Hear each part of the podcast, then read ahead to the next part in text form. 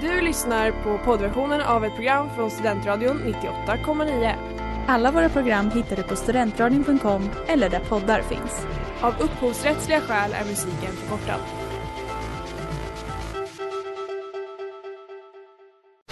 Reklam, reklam. Hej där! Tar du ett sabbatsår? Är du klar med din utbildning i höst? Ta då lite tid för att resa utomlands. Upptäck dig själv med ISEC och arbeta med ett sex veckors volontärprojekt kopplat till hållbarhetsmålen i Afrika. Läs mer på rebrand.ly uppsala 2019.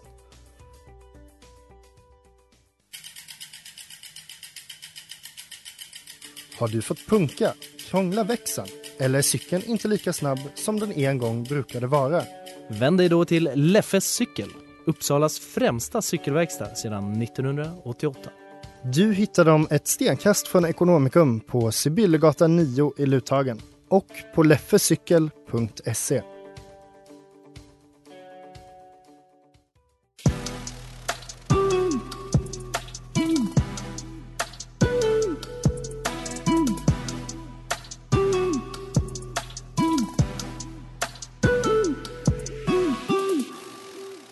välkomna till Femgranskarna här på Studentradion 98,9 med mig Elin. Och mig, Emma. Eh, idag, I dagens avsnitt så kommer vi att prata om sexuellt våld eh, på olika sätt. Och jag tänker att vi kör väl igång direkt med veckans krönika. Jag läser. Så gott som alla känner någon som varit utsatt, men ingen känner någon som utsatt. Kommentarer och skämt som i sin tur leder till obehagliga situationer. Vem har inte känt i efterhand att den här situationen var jag faktiskt inte bekväm i? Skuld och skam, dåligt samvete och nedstämdhet. Gav jag signaler att tycka att det var okej? Hur känner den här personen nu? Är det mitt fel att den är ledsen? Ville jag egentligen? Hade jag för utmanande kläder på mig? Var jag för full? Bad jag helt enkelt om det? Var det här skämtet ens kul? Sexuellt våld är vanligt och kan drabba vem som helst. Det är också oklart vad det faktiskt är. Vart går egentligen gränsen mellan opassande skämt och faktiskt olagliga ofredanden? I debatten om samtycke och sexuellt våld kom för några år sedan en amerikansk jämförelse om sex och samtycke med att bjuda någon på en kopp te. Organisationen Fatta man har gjort en svensk översättning. Tänk att du vill bjuda på te. Personen säger ja. Kul, ni dricker te. Personen är lite osäker. Du kokar te, men personen tackar nej. Okej, det blev inget te. Du tvingar ju inte personen att dricka te för att den ändrar sig. Personen tackar nej när du erbjuder te. Det blev inget. Du erbjuder te. Personen säger ja, vad gott. Du kokar te. Personen ändrar sig. Okej, det blev inget te. Du tvingar den inte.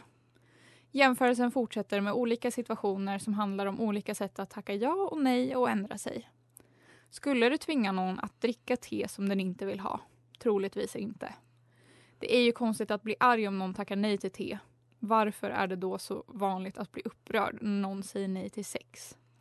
Varför tänker man sig att det någonstans är okej att tvinga sig på och närma sig en person som inte vill?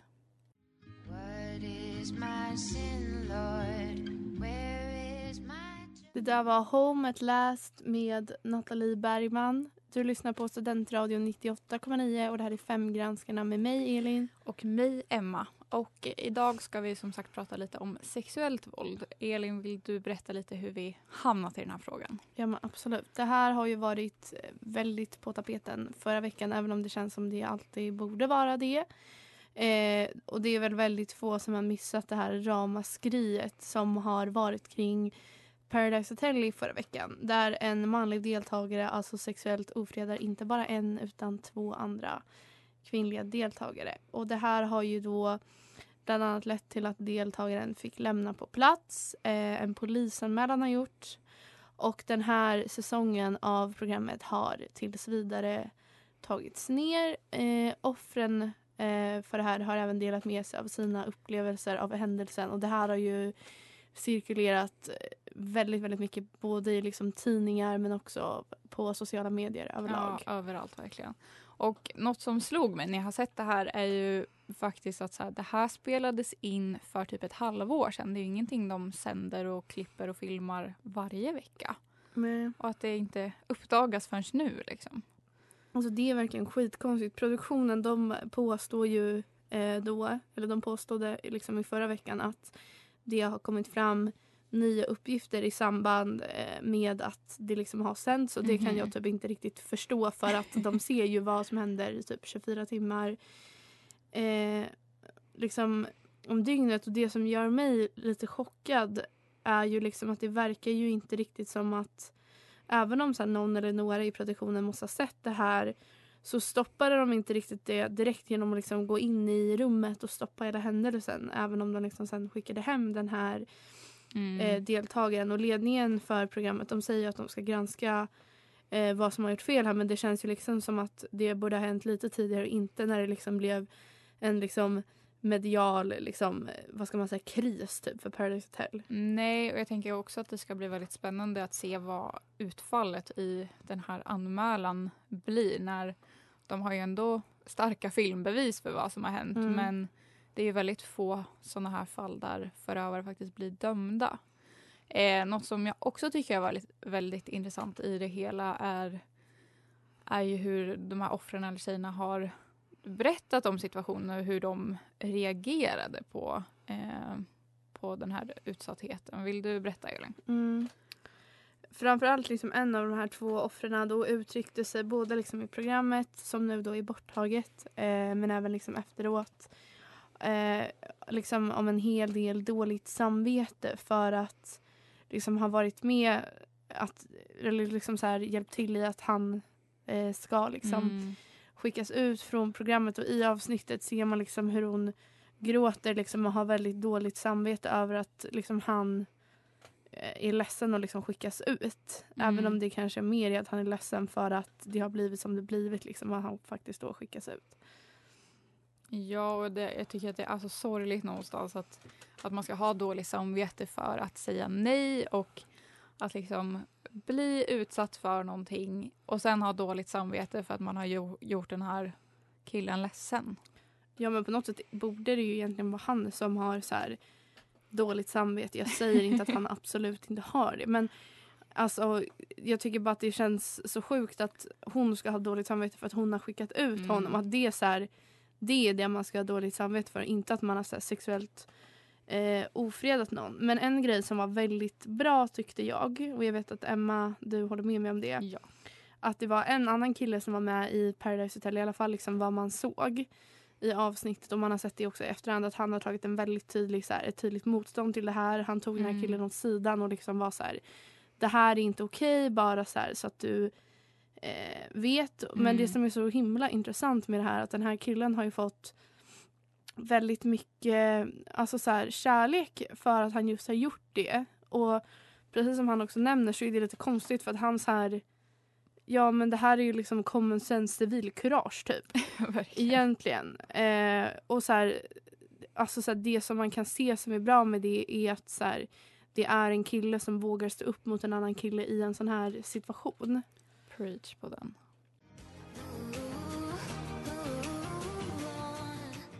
Det där var Move On med Grant eh, och eh, Emily Wagn. Ja.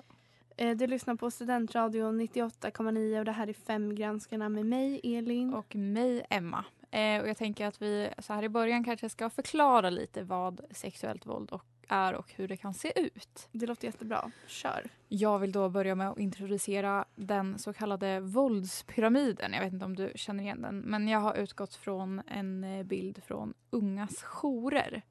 Eh, och det här är alltså en bild inom olika typer av forskning som illustrerar uppkomsten av eh, sådana här situationer. Eh, och då i botten av en pyramid så har man ju alltså det bredaste lagret. Eh, och här har vi i det här fallet typ ofredande språk, sexualiserade kommentarer, sexistiska skämt.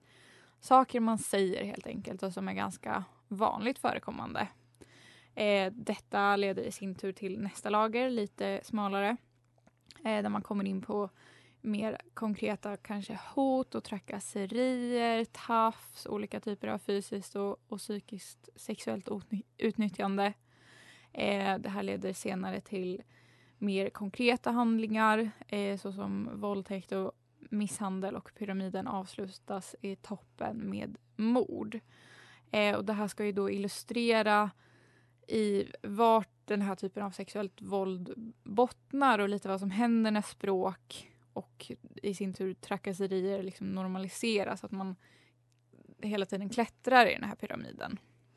Ja, och jag tycker pyramiden i sig är liksom en väldigt eh, spännande idé och det känns också som att det liksom ligger mycket eh, i den och den beskriver ju också så många olika aspekter av just sexuellt våld. Allt från liksom vad som kan tänkas vara ganska harmlösa kommentarer eller skämt till liksom nästa, alltså ändå fruktansvärd, fruktansvärda handlingar som våldtäkt och mord. Liksom. Ja, jag tror att det är så himla viktigt att verkligen komma ihåg bredden i det hela. Ibland vet jag att man kan ju verkligen haja till i egna situationer och bara ja, det här är nog mer olämpligt än vad jag först och spontant tänker att det är. Mm, jag tror också att ditt exempel ganska bra påvisar liksom den statistik som Brå har där det liksom är en ganska stor skillnad just mellan självrapporterad utsatthet och antalet anmälda eh, brott vilket också liksom på, påvisar eh, liksom anmälningsbenägenheten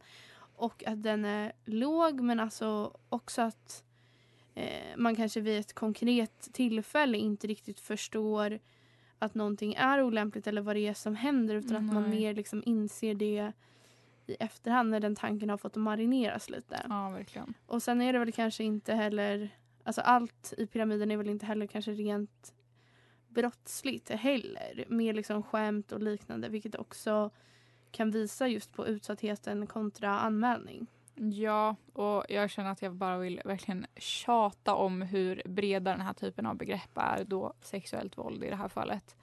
Och det är så himla mycket som innefattas att jag tror man knappt är medveten om hälften. Eh, och så himla viktigt att se och komma ihåg att små till synes ganska obetydliga kommentarer faktiskt kan leda till ganska fruktansvärda saker. Verkligen.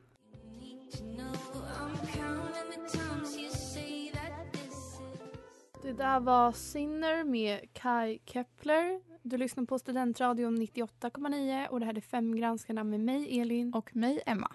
Eh, en annan sak som många pratar om när man liksom diskuterar det här ämnet som, och som vi också vill lyfta i dagens avsnitt är att det känns som att de allra flesta känner åtminstone någon som har blivit utsatt för eh, sexuellt våld. Men det känns som att ingen känner eller ens har känt en liksom, gärningsperson.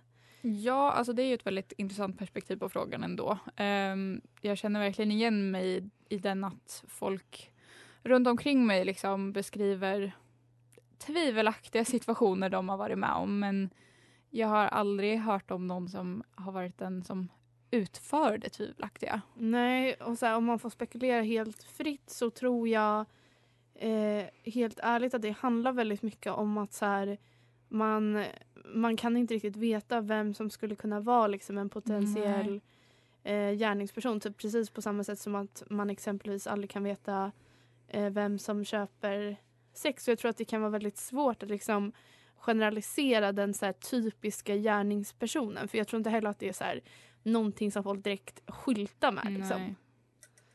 Nej, men precis som du säger, att så här, man vet aldrig vem det kan vara. Eh, och det är kanske inte heller så att man vill gå runt och tro att mina kompisar och nära och kära liksom utsätter folk för onajs grejer.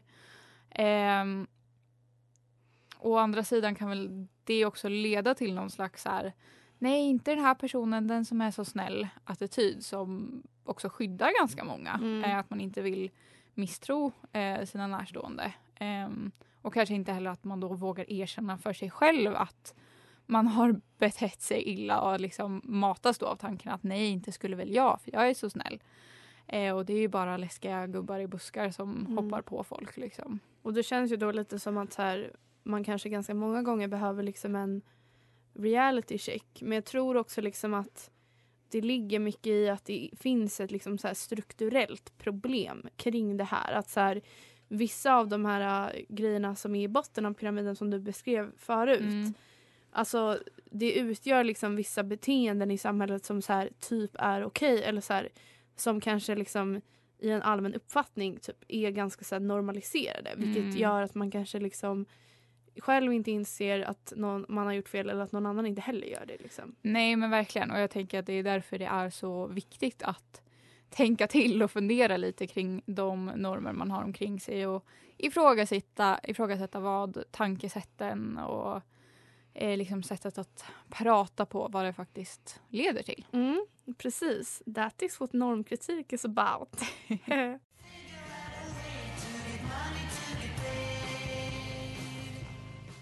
där var You Gotta Hustle med Vacation Forever. Du lyssnar på Studentradion 98,9 och det här är Fem granskarna med mig Elin. Och mig, Emma. Eh, vi har ju precis pratat lite om vad sexuellt våld är och eh, den här grejen med att alla är utsatta men ingen känner en gärningsperson. Eh, och jag tänker att man på det spåret kanske ska lyfta lite hur bilden av sexuellt våld ser ut och liksom hur normen av en gärningsperson ser ut. För rent spontant så tänker jag på typ, alltså sexuellt våld är lika med liksom våldtäkt och väldigt grova grejer. Mm. Ehm, men också mer den här någon överfaller dig i en buske typ av övergreppet. Ehm, vilket väl också spär på den här bilden av den läskiga gubben i busken som den typiska gärningspersonen. Ja, och alltså något som är väldigt viktigt att komma ihåg just med den här läskiga gubben i busken är att den typen av utsatthet är också ganska eh, liksom ovanlig. Och enligt Brå så räknas då våldtäktsbrott mot vuxna in i fyra typer av relationer mellan de här två parterna då. Vilka är eh, först och främst närstående genom parrelation. Sen är det närstående genom släkt, släktskap eller familjerelation. Och sen är det annan sorts relation eller bekantskap och sen är det då eh, obekanta. Och Brå beskriver även att det är endast liksom i 27 procent av fallen från 2019 som gärningsmannen faktiskt var en obekant eh, person. Men det som också är lite intressant med just den här siffran är att det är liksom den kategorin av relation där skillnaden mellan liksom män och kvinnor är eh, minst. Och det betyder alltså att män och kvinnor liksom procentuellt sett us- utsätts lika ofta av en okänd gärningsperson. Alltså jag ska ärligt säga att siffran för utsatthet av obekanta ändå var större än vad jag trodde. Mm. Eh, men oavsett så ser man ju där i statistiken att det är betydligt större risk att bli utsatt från någon man har en relation med, bekant eller partner eller familj. Eh, och det är ju det är väldigt obehagligt och jag tycker också att det utmanar normen lite om vad Mm. som är sexuellt våld. Ja, precis. Och vi kommer ju återkomma just till våld i nära relationer i ett kommande avsnitt där vi kommer prata liksom specifikt om det. Men alltså så här, vad man overall egentligen kan säga om det här är ju att de här våldtäkterna som sker när man går ensam hem på natten av en okänd förövare, alltså de finns ju absolut och det händer. Eh, och det ska vi ju absolut inte liksom nedvärdera så. Men jag tycker också att det är viktigt att komma ihåg att allra ofta så sker det i någon slags liksom relation. Även om 27 procent är liksom kanske högre än vad man hade förväntat sig. Alltså så här, man kan tycka att det är väldigt högt så är ju 73 procent betydligt mycket mer. Ja, eh, ja men verkligen. Och slutsatsen man kan ta med sig är väl tyvärr lite den här att den typiska gärningspersonen kan vara lite vem som helst. Ehm, och att ja, men bilden man har av sexuellt våld och gärningspersoner kanske eller nog är väldigt skev i liksom, verkligheten kontra hur det framställs i, i media och film och, och sådär. Och eh, en ytterligare aspekt jag tänker i det här är väl också att NCK, Nationellt centrum för kvinnofrid, beskriver att 98 procent av de som misstänks för vålds och sexualbrott är män. Eh, Och det här är väl också något vi kommer att återkomma om i senare avsnitt. Mm.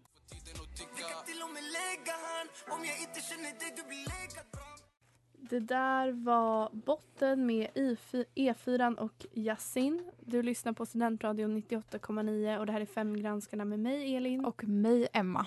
Eh, och nu tänkte vi väl gå in på ett litet exempel från Instagramkontot Tänkvärt om en, en ganska nylig händelse för, om sexuellt våld och hur man kan bli bemött i det. Vill du introducera? Ja, eh, det här eh, lades alltså ut eh, förra veckan. Det är typ mindre än en vecka sedan. Eh, och eh, är alltså då väldigt eh, aktuellt. Det handlar om en person som heter Nim som utsattes för ett sexuellt övergrepp av en annan elev på skolan där båda dessa personer också bodde. Eh, och när hon då sen tillsammans med en vän vågade berätta om det här för rektorn samt la liksom fram bevis för eh, den aktuella händelsen så blev hon avstängd från skolan. Och det var för att eh, rektorn tillsammans med två andra eh, lärare upplevde att hon var citat för psykiskt instabil för att kunna gå kvar på utbildningen. Slutcitat. Och jag tycker personligen att det är helt sjukt att det är så här man blir bemött när man har blivit utsatt för både liksom sexuellt och eh, psykiskt våld. Ja, det är väl ganska talande för eh, omvärldens bemötande. Men alltså, jag undrar verkligen hur det känns att få det svaret. Alltså, vad, vad får man för självbild då? Det måste innebära så mycket skuldkänslor och självkritik. Ja men verkligen och liksom precis som de här tjejerna från Paradise Hotel har beskrivit så är det ju många som blir utsatta för bland annat liksom sexuellt våld som känner mycket skuld själv och lägger den på sig själv. Mm. Och då i det här fallet så blir det lite som att liksom både rektorn och de här två lärarna också lägger skulden på henne.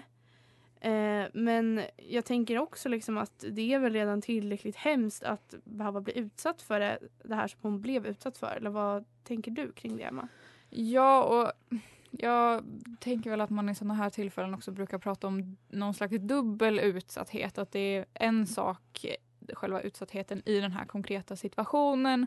Men sen att efteråt liksom älta, tänka igenom, berätta för någon, anmäla, bli ifrågasatt och ifrågasatt. Det blir ju bara trauma på trauma på trauma och skulle väl sammanfatta det hela som mycket onajs. Ja, men verkligen. Och jag tycker alltså också att det här är ett klockrent exempel på liksom hur man inte bör bemöta någon som har blivit utsatt för det här. Men jag tror också att så här, en grund i det är typ att man ofta blamear den utsatte. Så här, ah, vad hade du på dig? Hur mycket har du druckit? Jada, jada, jada, jada. Liksom.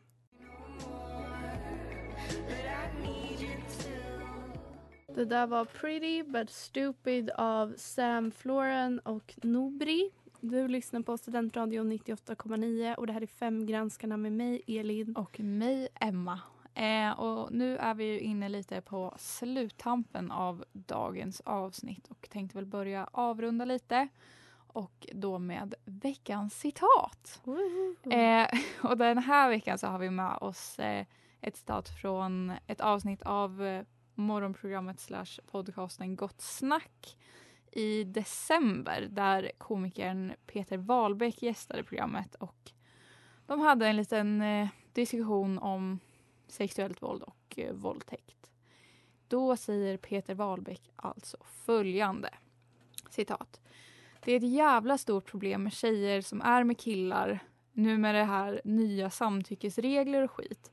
Då åker killarna dit så in i helvete om tjejerna naglar fast dem efteråt. De är ihop med någon annan och så Ja, han våldtog mig. Varför det då? Jag är ihop med en annan nu. Jag ångrar mig den kvällen. Slutcitat. Och ett till citat. Ehm, citat då.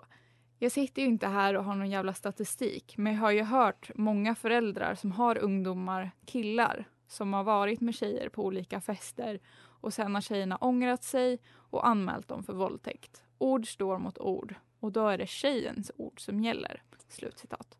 Vad har du att säga om det här Elin? Ja men gud, alltså det finns så mycket man vill eh, säga om det här. Men om jag ska pinpointa liksom några snabba saker så är det till att börja med eh, att han har absolut noll belägg för det han säger. Eh, och sen också så här, ja tjejerna har ångrat sig. Alltså jag fattar inte hur man kan vara så säker på att de har ångrat sig utan att så här, kan det bara inte möjligtvis vara så att eh, liksom killarna har gjort någonting som de inte vill. Och sen också då så är det ju det här med att det är tjejens ord som gäller. Jag vet inte riktigt om det så här rent rättsligt eh, brukar se ut då så liksom utifrån eh, statistik. Men jag tror att det här på något sätt bygger på retoriken som handlar om att man lägger fokus på liksom vad en tjej har på sig eller hur mycket hon har druckit när man liksom pratar om sexuellt våld. Att det då är så här hennes fel. Typ. Ja, och lite som du säger, vart är beläggen? Alltså utifrån statistiken som vi pratade om tidigare så vill jag ändå mena att det är lite tvärtom. Eh, alltså att det är så mycket utsatthet kontra så lite som går till åtal och än mindre som går till liksom en fällande dom i sådana här Mm. situationer. Eh, men det är ju trevligt att eh, folk har olika åsikt och eh, upplevelse av verkligheten kan man säga. Ja, det får man ju acceptera men man behöver ju absolut inte tycka att de har eh, rätt för det. Men jag tror också att så här, det här är ju en potentiell förklaring när man hör det här till så här, varför eh, någon som har blivit utsatt faktiskt känner skuld för att den har blivit utsatt. Liksom. Ja, och jag tänker också att om ens anmälan har så liten chans att ens leda till något så är det väl inte jättepeppigt att kanske försöka göra någonting åt. Mm. Eh, det är väl kanske lite menlöst att göra något om det inte leder någonstans. Så att det blir en känsla av onödig utsatthet att genomgå en sån process igen. Mycket problematiskt. Ja, väldigt problematiskt faktiskt.